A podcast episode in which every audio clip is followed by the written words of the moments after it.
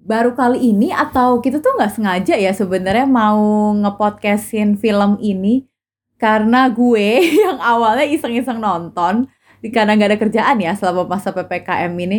Terus nonton terus ternyata filmnya tuh super heartwarming gitu nggak sih si Ali and Ratu Ratu Queens ini Gimana ya? Gua malah apa lu merasa setuju ya bukan, atau bukan nggak setuju. B Oke. aja Oke, gue setuju film ini heartwarming gitu kan. Eh, Hmm. filmnya menyenangkan sekali untuk ditonton, tapi betul pada akhirnya gua nggak tahu apa yang harus diomongin dari film ini sih. Maksudnya terutama setengah ke belakang ya, begitu si Ali ini udah ketemu sama mamanya yang nun jauh di sana di New York gitu kan. Itu tuh kayak gue udah nggak tahu lagi kayak ini film udah nggak ada yang bisa dibahas menurut gua gitu. Yang udah ngeflow aja gitu sampai terakhir, sampai di titik terjadi Mhm. keributan itu kan. Udah maksudnya tengah-tengah antara itu tuh kayak everything is smooth gitu. Kayak hidupnya si Ali ini semuanya kok berjalan dengan lancar sekali gitu loh tanpa hambatan. Itu, itu yang membuat gua kayak ini film mau dibilang bagus juga kok terlalu lempeng, tapi nggak bisa dibilang jelek juga gitu. Itu makanya gue bingung sih sama film ini sebenarnya. Tapi emang tendensi film Indonesia tuh flow-nya kayak gitu gak sih? Awal tuh kayak selalu diceritain background-nya apa, terus abis itu ada masalahnya, ada sedikit-sedikit komedi, terus ntar kayak berantem, titik apa ya kayak puncaknya gitu ya, puncaknya permasalahan, terus pasti solving ending. Kayak gitu gak sih? Selalu kan flow-nya film Indonesia mostly tuh emang kayak gitu. Ya Kalau memang tonton. sih yang selalu ha- harus ada gimana ya? Harus ada problem dulu di awal yang mau diangkat. Iya Terus kan? nanti sepanjang perjalanan lead karakternya tuh mencari solusi. Terus Betul. di sepanjang perjalanan muncul banyak orang-orang yang ketemu di tengah perjalanan dan membantu dia. Terus nanti ketemu tuh solusinya tapi tidak semudah itu Ferguso gitu kan Mm-mm. pasti. Nah, nah terus di akhir-akhir selalu dikasih efek-efek emosional gitu. Betul. Memang patternnya tuh selalu gitu gitu. Mm-mm. Cuma memang ini gua akui pengambilan gambarnya bagus gitu sih untuk di Ali and the Queens ini Oh kan. iya, iya, ini judulnya memang agak boros ya, karena Iya. judulnya. Ngapain dikali tiga gitu Iya, kan kalau iya. tiga-tiganya kata-katanya sama gitu. Memang ya akhirnya kalau yang nonton pun pasti ngerti gitu. Queens di sini maksudnya nama daerah kan, nama kota. Mm-mm. Tapi gue memang setuju apa yang lu bilang kalau perjalanannya hidup si Ali ini eh, while dia datang ke New York itu sangat smooth ya. Jadi kan memang Ali kan ditinggal emaknya lah ya ceritanya kan. Si Mia itu pergi untuk menggapai cita-cita yang gak pulang lagi emaknya. Terus tiba-tiba dia seorang anak yang ya gue atau itu kan ceritanya masih muda banget ya. Even kita kalau lu bayangin gak sih kita sendiri ke negara orang yang mungkin juga duit pas-pasan tapi dia kayak berani aja gitu. Ya udah gue ke New York kayak hello man ini bukan negara yang cuman kayak Malaysia atau Asia gitu tapi ini Mm-mm. New York.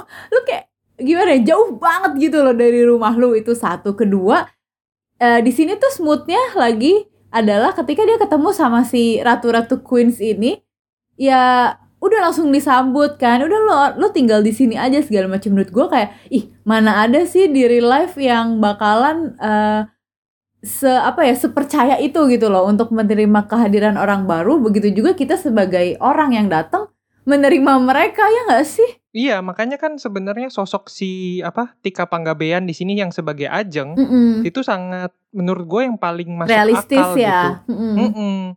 Meskipun juga sosoknya si Diah itu sebenarnya kan cukup ya cukup masuk akal juga gitu sih sebenarnya. Cuma Mm-mm. memang kan dia lebih selengean aja gitu kan. Tapi sosoknya Party itu ya udah paling bingung gua. Maksudnya kenapa positif bisa banget ada ya vibesnya ya orang sebaik ini di negara ya Amerika sih gitu Iya dan sama-sama kan? orang Indonesia sih. Tapi kenapa bisa se positif itu bener kata lu gitu. Kalau yang si cinta kan ya memang ini kayak feng shui aja ya dia memang ya. Itu Iya. orang-orang cakra dikit-dikit terus mendapatkan vibrasi dari matahari gitu.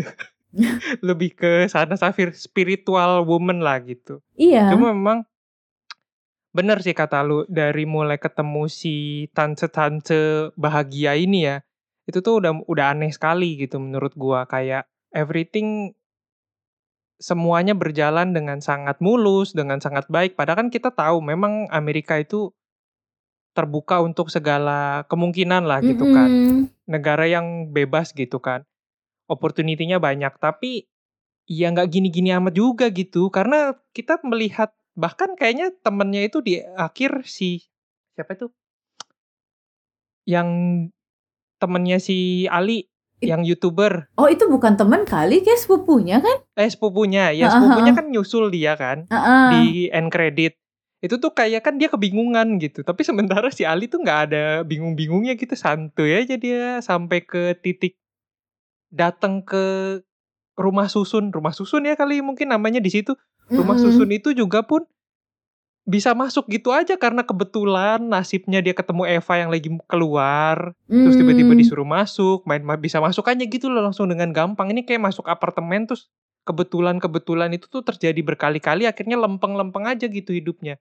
Pas masuk ke uni juga gitu kan, masuk ke university juga kok tiba-tiba bisa ada apa, eee, lowongan untuk scholarship pada saat itu, terus kok screening scholarship-nya juga segampang itu gitu kan. Kayak semuanya tuh gampang gitu loh kayaknya untuk kehidupannya si Ali ini. Terus screening scholarship itu sih paling aneh buat gua, karena cuma ngelihat itunya doang kan, cuma ngelihat portonya doang kan. Dia nggak tahu loh si Ali ini punya ijazah atau enggak gitu di di. Indonesia, karena kan udah jelas gitu, Ali datang ke Amerika tuh nggak untuk liburan, nggak untuk cari kerja, nggak untuk kuliah gitu kan. Berarti di imajinasi gua ya atau di logika gua, dia ke Amerika tuh nggak bawa ijazah. Heeh, pasti. Kan cuma cari emaknya Iya. kan tujuan awalnya ya dia ke situ. Mhm, apakah memang University Amerika sebebas itu? Gua nggak tahu juga gitu maksudnya. Cuma memang agak aneh aja gitu. Screening cuma dilihat, "Oke, gambar lu bagus. Kapan bisa mulai scholarship?" Gitu. Kayak langsung, "Hah? Gampang banget ya Gini doang?" hidupnya. Ya kalau lihat bahkan di film-film Amerikanya sendiri gitu, film-film Hollywood, kayaknya masuk universitas tuh nggak segampang itu gitu loh. Ini bahkan orang asing gitu, yang lu datang juga kayaknya pakainya visa turis gitu, bukan visa pelajar kan. Itu sih, jadi banyak detil-detil kecil yang akhirnya menjadi pertanyaan gua, kenapa hidupnya si Ali di Amerika ini begitu smooth dan juga kelihatannya kok sangat mudah gitu. Kalau menurut lu gimana? Mung iya, sama ini sih bagian yang tiba-tiba si Mama Mia-nya kan ketemu kan, kayak, eee, si Party bilang, "Oh gue ketemu nih alamatnya di sini, udah tinggal di sini," segala macam. Sebetulnya gue mengharapkan sedikit gesekan atau problematika tuh yang lebih, eee, dalam lagi gitu loh. Jadi nggak sekedar ketemu maksudnya kita pasti di awal udah menebak, kalau dari sisi gue ya, kalau dari gue pasti udah menebak, udahlah Mia tuh udah pasti punya keluarga baru, udah nggak mungkin balik gitu kan. Dan pemikiran si budenya itu somehow juga realistis gak sih? Kayak, ya lu nggak ngizinin lah anak bocah yang masih muda, kecil gitu, ke New York sendiri yang nggak nggak tahu gitu loh ada siapa, guardian-nya siapa gitu kan di sana. Terus tiba-tiba ketemu, ya ya gue sih udah bisa menebak gitu loh, oh permasalahannya cuman segini doang gitu, dia udah kayaknya udah punya keluarga baru, udah nggak menerima si Ali. Jadi gue sebenarnya mengharapkan ada problematika yang lebih uh lagi gitu, yang lebih greget sih dari yang dia pas nyari emaknya itu, nggak cuman Iya sekedar, iya. eee, ya udah ketemu terus emaknya nggak bisa dan kayaknya tuh sesim simpel banget ya menurut gue. Iya bener, gue juga merasa gitu. Bahkan dari awal sebenarnya gue merasa ini kayak, eee, apa ya namanya, eee, si problem di awal kenapa mamanya pergi ke US juga, gue nggak ngerti gitu loh maksudnya. Lu ninggalin keluarga lu, ninggalin anak lu yang masih kecil, which is di usia yang lagi butuh-butuhnya orang tua banget kan Mhm, kalau ngelihat iya. umurnya si Ali ini kan pada saat itu. Mhm. Dia datang ke Amerika untuk menjadi penyanyi kafe gitu, atau singer lah, gua nggak tahu penyanyi di mana, pokoknya untuk jadi penyanyi gitu. Itu yang menurut gua kayak, oke, memang kalau impian lu sebesar itu untuk jadi penyanyi di Amerika Mmm. eee, ya udahlah gitu, memang kalau memang itu udah jadi pertimbangan yang besar sekali gitu. Mhm. Meskipun gua merasa agak aneh gitu, karena kalau memang karena kan kita dikasih lihat cuma penyanyi itu benchmarknya adalah yang di cafe yang dia tempat dia kerja itu kan. Ah, iya yang iya. dikasih lihat seakan-akan dia kayaknya jealous sama si penyanyi itu. Berarti kan kita ngebayanginnya, oh tujuan lu berarti jadi penyanyi ini dong sebenarnya Hmm, gitu kan. mm, mm, mm. Bukan penyanyi yang lebih besar lagi, bukan kayak Agnes Mo. dia mau join bukan kayak Agnes Mo gitu atau bukan kayak dia mau join America's Got Talent gitu Iya, atau The iya. Voice gitu kan bukan yang kayak gitu-gitu tapi lebih ke simple lagi dan lebih ke mungkin levelnya lebih bawah lagi gitu dan yang bikin gua akhirnya nggak masuk lagi adalah karena di akhir begitu ketemu sama Ali dan Ali minta penjelasan Mm-mm. mamanya cuma ngomong ya gue nyerah gitu Mm-mm. terus ya oke lah gitu terus apalagi di titik mamanya tuh si Mia ini yang ngomong I am a bad mother ya udah kalau udah tahu lu bad mother ini anak lu lagi butuh lu sekarang gitu loh Hmm. Anak yang udah lu buang dan lu merasa lu udah jadi ibu yang jahat nyari lu loh gitu Iya. terus ken lu mau mengulangi dan dia ngomong gua nggak mau mengulangi kesalahan yang sama dua kali ya udah lu rawat sek- sekarang saatnya gitu di saat Ali justru nyari Ada lu di situ gitu. kan. Iya. Mm-mm. segala ya anggapannya segala dosanya si mamanya tuh udah dimaafin sama Ali selama ini Ali tuh nggak pernah mikirin dosa-dosa yang mamanya nggak pernah muncul di Indonesia Mm-mm. Terus mamanya nggak pernah ngasih kabar yang ternyata diumpetin sama si ayahnya gitu kan. Itu dia nggak pernah mikirin hal itu. Pokoknya dia mau hidup sama si mama mau diakui sama si mama itu doang gitu. Cuma- akhirnya skenario nya tuh dibuat yang kayak langsung kok si mamanya anjing? gitu ya. Iya, memang kayak kenapa? gitu. Apakah ngomong ke suami baru lu itu sesulit itu? Kalau lu memang punya masa lalu itu berarti kan kalau gue nggak tahu sih ya ini pandangan gua. Heeh. cuma eh si mamanya ini pada saat dia ngomong kalau suami gua tahu Abis lah gue gua, dia gua bilang. abis iya, gitu gua kan? abis itu tuh gua nggak relate sama sekali karena gua gua mikir kayak kalau suami lu nggak bisa ngerti dengan masa lalu lu berarti itu bukan suami yang pas buat lu gitu loh Hmm. menurut gua gitu kalau gitu kan berarti dari awal lu memasuki hubungan itu lu bohong, Bohong. gitu kan Iya iya iya. itu sih yang menurut gua emang sesulit itu ya lu bilang eh lu pun apa mau menikah gitu atau gua sih nggak tahu situasinya karena kita juga nggak dikasih gitu ya. Iya. kecuali kalau kita dikasih situasinya pada saat itu seperti apa ya mungkin kita lebih bisa simpati ke si Mia ini gitu. Cuma karena nggak dikasih jadinya judgmental gitu gue jelas gitu. Karena kelakuannya dia memang gitu ya nggak sih Eh, nah, ini ini menarik nih karena memang gue agak mau ngomongin si tentang si Mama Mia ini ya. Jadi gue baca tuh di eh, komen-komen beberapa netizen soal film ini gitu kan kalau ngomongin karakter Mama Mia. Nah, eh, banyak yang memang nggak mendukung dia gitu, dibilang eh, istri yang egois, eh, mama yang egois gitu. Tapi menurut pandangan lo sendiri, apakah salah seorang ibu atau istri tuh punya mimpi atau gimana? Coba. Ini memang kayak kan ada tuh netizen yang heboh gitu ya karena film ini. gua nggak ada masalah Ren sebenarnya sama si mimpinya si mama gitu kan atau si mama ini maupun jadi wanita karir atau gimana tuh gua nggak nggak ada permasalahan sama sekali gitu cuma Mm-mm. memang timingnya yang gue bermasalah gitu loh Hmm. karena ini bukan sekedar lu dari Jakarta lu mau ngambil impian ke Jogja ke Bali Iya. gitu ini Amerika coy gitu yang bahkan suami dan anak lu tuh nggak bisa nyusul gitu terus lu di sana juga tidak jadi apa-apa dan apalagi lu sudah janji gitu loh maksudnya ini yang gue permasalahkan lagi berikutnya karena Mm-mm. sudah ada perjanjian Ya, enam bulan kan dia Enam bilang. bulan. Ya. gitu iya Eh, kenapa enam bulan kalau memang lu angka enam bulan ini menurut gua nggak masuk akal gitu bahkan lu eh orang bukan siapa-siapa dari negara antah berantah anggapannya ini kita ngomongin Amerika ya Iya, iya, dari iya. negara antah berantah dunia ketiga gitu lu mau datang ke suatu negara yang namanya Amerika Serikat dan pengen jadi seorang penyanyi gitu yang Hmm. sukses tapi lu kasih diri lu waktu cuma enam bulan gitu. Hmm. lu terlalu overestimate diri lu gue mikir ini ke si mama ini jadinya kayak ya udah pasti gagal gitu sih kalau ngomongin enam bulan kecuali lu ngomongnya gua kasih kasih waktu gua dua tahun gitu ya itu mungkin lebih make sense gitu buat gue ya kalau enam bulan ya sudah pasti gagal gitu dan pada saat ada obrolan antara si ayah dan si ibu ini ngomong kan janji lu enam bulan lu mau pulang Wajar ngomong, ya. Heeh.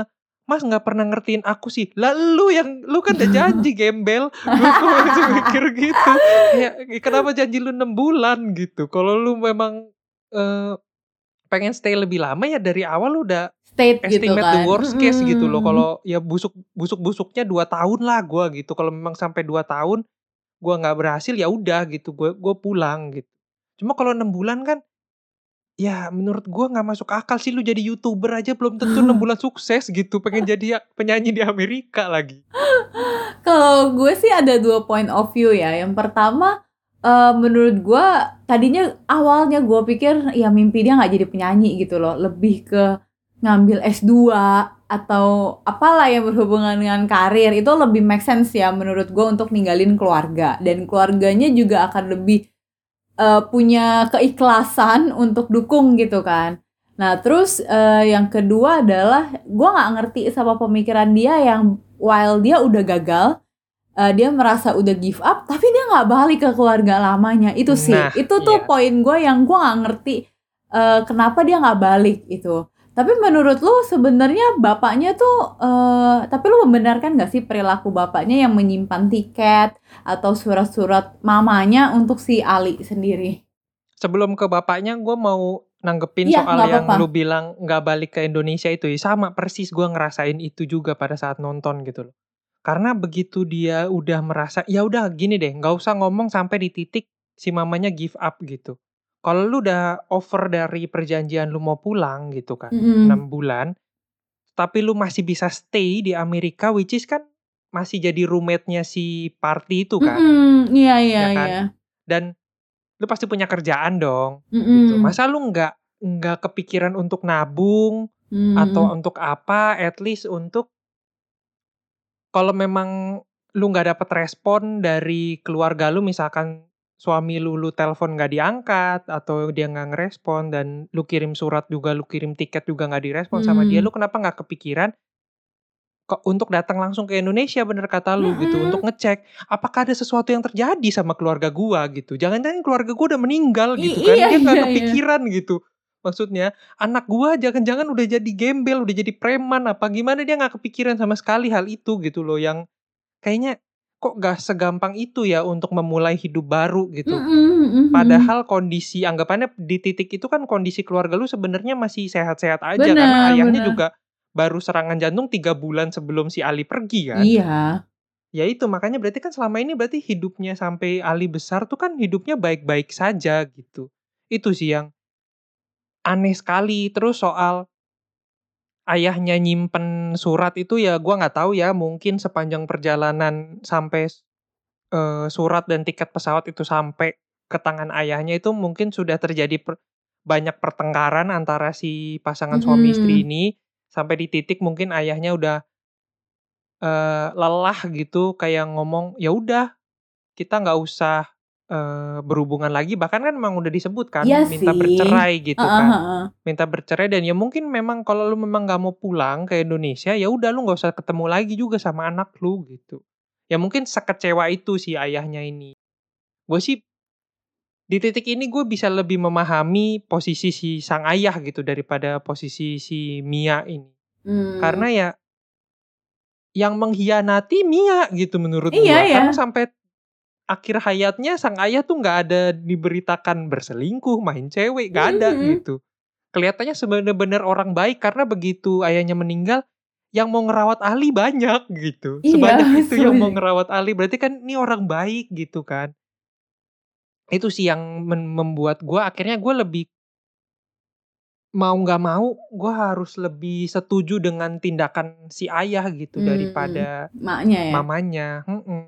Nah, tapi eh nah ini kan kita udah lumayan cukup banyak ya ngomongin emaknya sama si Ali. Nah, gimana dengan kehadiran tante-tante ini menurut lo di film ini yang sebenarnya cukup jadi core ya, tapi ada beberapa eh, elemen dari kehidupan si tante-tante ini yang sebenarnya bulus juga kayak dia jualan eh bukan jualan dia mau jualan makanan ya ceritanya. Terus kayak beli ru eh nyewa ruko gitu lah ya di pinggir jalan. Nah itu juga somehow smooth aja gitu loh cari duitnya dapat duitnya yang kita tahu mereka kan juga sebenarnya struggling kan sama pekerjaan sehari-harinya mereka yang ya mungkin secara income-nya juga nggak terlalu gede gitu loh gue menangkapnya malah eh, kehidupan si tante-tante ini tuh nggak sesmooth itu gitu atau mungkin gue merasanya tidak sesmooth Hmm. Ali gitu Mm-mm. Karena kita nggak tahu ya mereka punya impian ngebuka restoran itu dari sejak kapan sebenarnya siapa tahu Hmm. dari lima tahun yang lalu duitnya baru kekumpul sekarang gitu terus Hmm. tiba-tiba Ali muncul dan bisa membantu keuangan mereka yang kurang berapa 10.000 ribu dolar Iya, iya. gitu kan dan 10.000 ribu dolar itu juga begitu Ali bayar kan mereka sebenarnya nggak langsung Iya. sewa ruko itu gitu ada ada momennya gitu yang Ali juga akhirnya ikut ngebantuin kerjaan-kerjaan mereka kan meskipun selain kerjaannya party sama tunggu gua gua rada lupa selain kerjanya party sama si Cinta, cinta ya. Heeh. kerjaan yang lain tuh agak absurd gitu Iya, sebenarnya si. Ajeng aja gue lupa Ajeng tuh kerja apa ya sebenarnya Ajeng tuh nggak pernah ditampilin sih. Yang Biah itu kan yang jadi fotografer iya kayak fotografer paparazzi. freelancer kayaknya Iya paparazzi gitu lah ya ibaratnya. Kalau Ajeng kayaknya gue juga nggak tahu deh, nggak pernah ditampilin juga sih dia. memang nggak ada berarti ya karena kan Heeh. di awal itu sebenarnya ada obrolan ya udah nah, pada saat mereka kekurangan uang untuk sewa ruko itu kan sempat ngomong ya udah gue juga bisa lembur gitu ada om- omongan itu berarti kan dan yang di apa yang dikasih stigma nggak pernah berpenghasilan itu kan si dia gitu kan berarti kan Mm-mm. kita berasumsi Ajeng tuh punya pekerjaan dong cuma nggak pernah dikasih Iya lihat sayangnya di gitu cuma sih. Ajeng tuh dikasih lihat cuma ini ya, cuma apa ngasih makan burung itu Iya, apa iya, itu iya. kerjaannya dia sebenarnya kasih makan burung nggak tahu juga gitu. Tapi tante-tante ini eh menurut gua sesuai kata lu gua setuju ini agak cukup core gitu. Cuma yang gue bingung adalah kalau Ali nggak muncul di depan rumahnya mereka, Heeh. pertama apa yang terjadi sama proses penyewaan ruko itu karena pasti akan semakin lama. Kedua, apa yang terjadi sama hidup mereka gitu maksudnya kan sebenarnya kalau Ali nggak muncul di situ tuh yang mereka tuh nggak ada nggak ada artinya sebenarnya ya kan Iya sih. Itu sih. yang menurut gue jadinya kayak ini sidekick yang memang diadain untuk ngasih Ali rasa gimana rasanya punya keluarga yang sebenarnya gitu loh karena kalau ngomongin Hmm.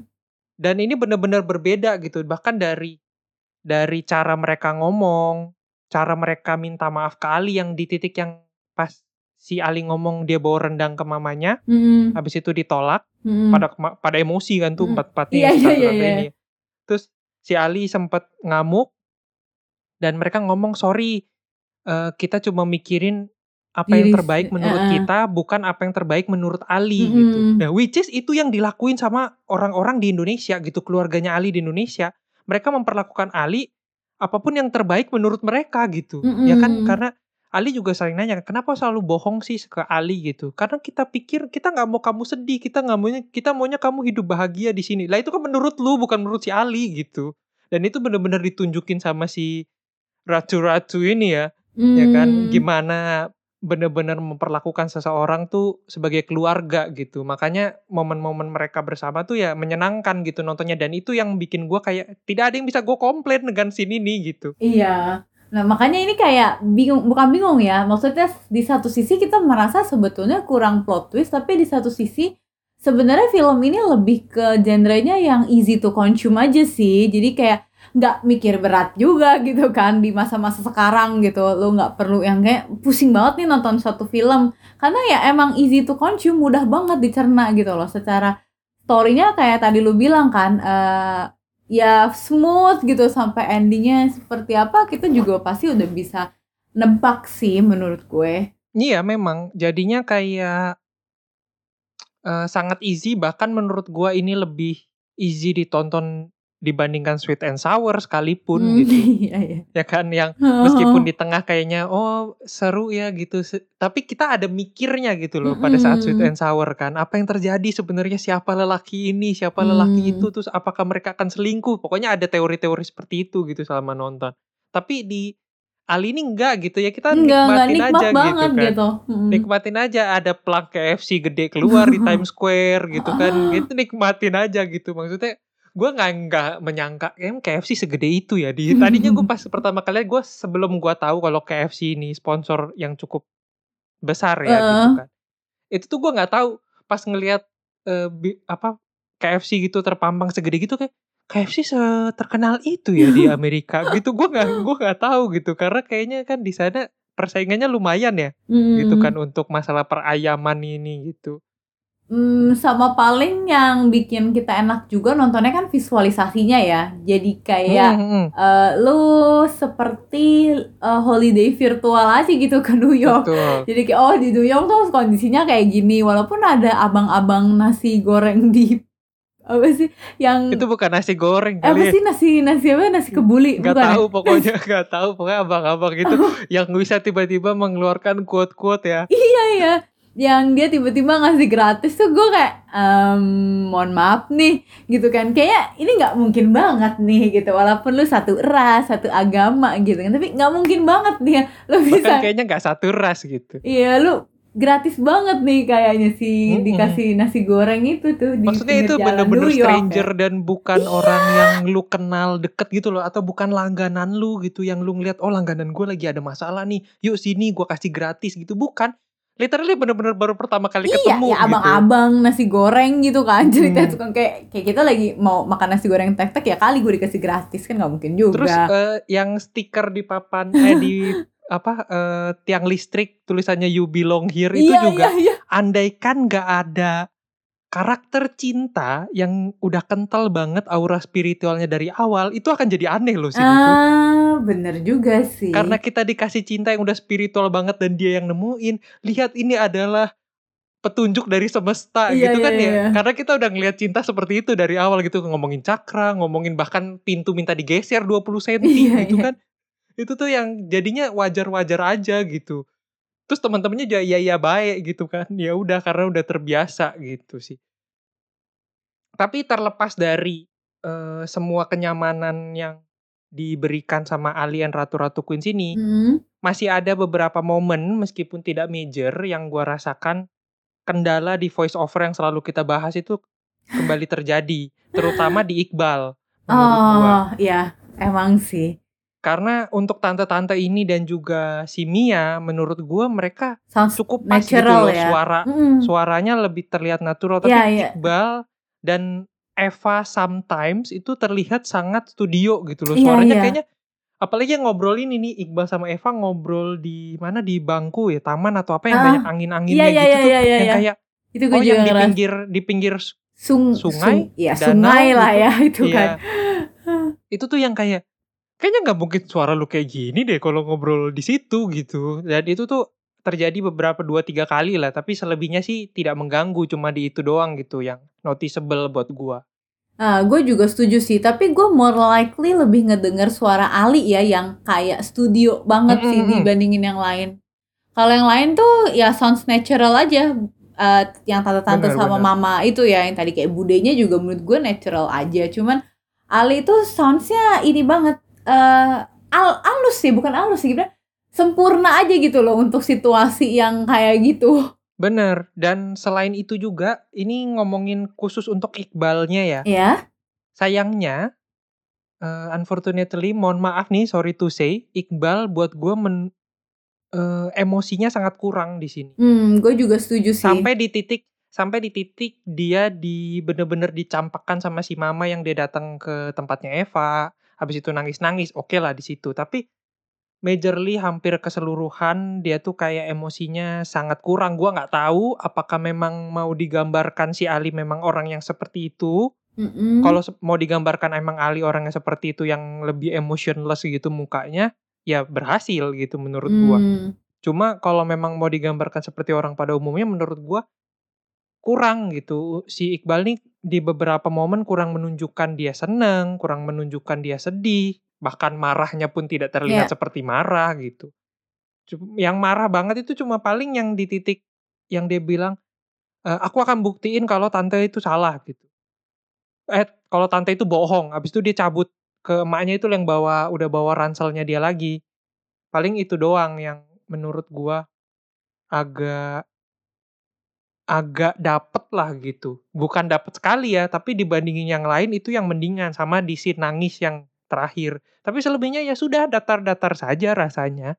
gue juga kali ini harus agak setuju sama lo karena eh, untuk ukuran acting yang gimana pun dia misalnya ditinggal emaknya terus udah gitu uh, sampai nyusul emaknya tapi nggak diterima tuh kekecewaannya tuh gue belum terlalu gimana ya Kurang Eh, nampol. kurang nampol gitu. Harusnya lo lebih menunjukkan kecewa. Iya kecewa kan yang paling penting ya. Karena lo udah berharap something tapi ternyata lo dihempas. Itu kan harusnya rasa kekecewaan itu timbulnya sangat paling major gitu. Eh, selain itu ya marahnya juga masih kayak marah ya biasa aja gitu loh. Belum terlalu yang eh, ke-trigger banget jadi pas yang tadi Iya devastatednya kurang gitu kan. Iya, jadi pas tadi yang lu bilang dia marah sama tante-tante, gua rasa juga cukup dibantu sama aktingnya para tante-tante itu sih gitu loh untuk meng-up environment atau suasana kita tuh lagi tense loh di sini gitu loh. Kita tuh lagi berantem. Mm, mm, mm. Itu kayak kebantu juga sih sama para queens-queens itu. Dan palingan ini ya. Nah, menurut lu sendiri kan dia tuh eh, baikan kan sama tante-tante ngasih video yang kayak unyu unyu-unyu gitu kan. Maksudnya yang eh, diedit-edit segala macem. Nah, itu tuh pas gak sih? Kayak kalau gue tuh merasa harusnya ada cara yang lebih emotional atau lebih logical aja sih daripada cuman yuk tante eh, sini deh aku mau nunjukin sesuatu ternyata cuma video yang diedit sama dia doang sih. gue tadinya mikir berharapnya ya yang muncul dari eh, apa yang mau diberikan sama si Ali Mm-mm. adalah video pengakuan gitu loh dia ngomong gitu. At least ataupun setelah video itu dikasih oke lah video itu so sweet sekali gitu kan. Tapi di ending tuh ada ada Ali ngom alinya yang ngomong gitu. Ya, ya kan? Eh, ngomong permintaan maaf ngomong thank you ngomong apa pun gitu. Gue berharapnya itu karena itu leb- menurut gue lebih memberikan efek dramatis Ya. dan juga setuju. melankolis di momen seperti itu. Karena kan pakai pakai video itu aja udah pada mewek si tante gitu Mm-mm. apalagi alinya muncul gitu kan. Itu sih. Masalahnya setelah itu tuh tidak terjadi apa-apa gitu. Maksudnya si Ali juga nggak ngomong apa-apa cuma noleh doang. Terus si tantenya pada ngedatengin. Terus alinya minta maaf juga nggak ngelihat ke tante-tantenya gitu kan sambil nunduk. Itu sih yang kayak akhirnya meskipun bagus scene itu tapi agak kentang aja gitu Iya, menurut iya, gua sama. Kur sama yang kentang lagi adalah eh gue sih nggak tahu ya kenapa scene ini harus diadakan gitu karena sih? setelah si Mia itu ngomong ke Ali kalau dia adalah ibu yang bad moms. jahat nah. gitu ya bad mother gitu kan dia justru memutuskan untuk cerita gitu ke suaminya Sama, gue juga mikir ya kan ngapain Maksudnya- anjing. Pertama buat apa scene ini diadain Betul. setelah lu membuang anak lu gitu betul, betul. Terus kedua, kalau memang lu mau dikasih scene itu mau diadain, kenapa kita nggak dikasih tahu respon suaminya tuh seperti apa? Jangan-jangan ramalan atau prediksinya Mia selama ini kalau suaminya Ya tuh bakal salah. ninggalin dia, bakal ben- ternyata cuma slow. Oh ya udah, sini suruh tinggal bareng kita. Jangan-jangan Hmm. suami seslow itu gitu kan? Itu sih yang akhirnya tidak terjawab gitu. Buat apa lu kasih scene itu kalau ujung-ujungnya nggak ada closure-nya gitu? Dan menurut gue timingnya juga udah nggak pas ya kalau ditaruh di Mm-mm. ending. Anyway, Ali juga udah move on, ya kan? Yang pertama, yang kedua dia juga udah ya udah gitu kan, udah nggak terlalu peduli kan sama mamanya. Jadi itu nggak yang menjawab juga sih pada akhirnya Iya. cuman sin-sin potongan yang eh ya ya udah gitu yang gampang dilupakan, yang Bener dan picisan aja.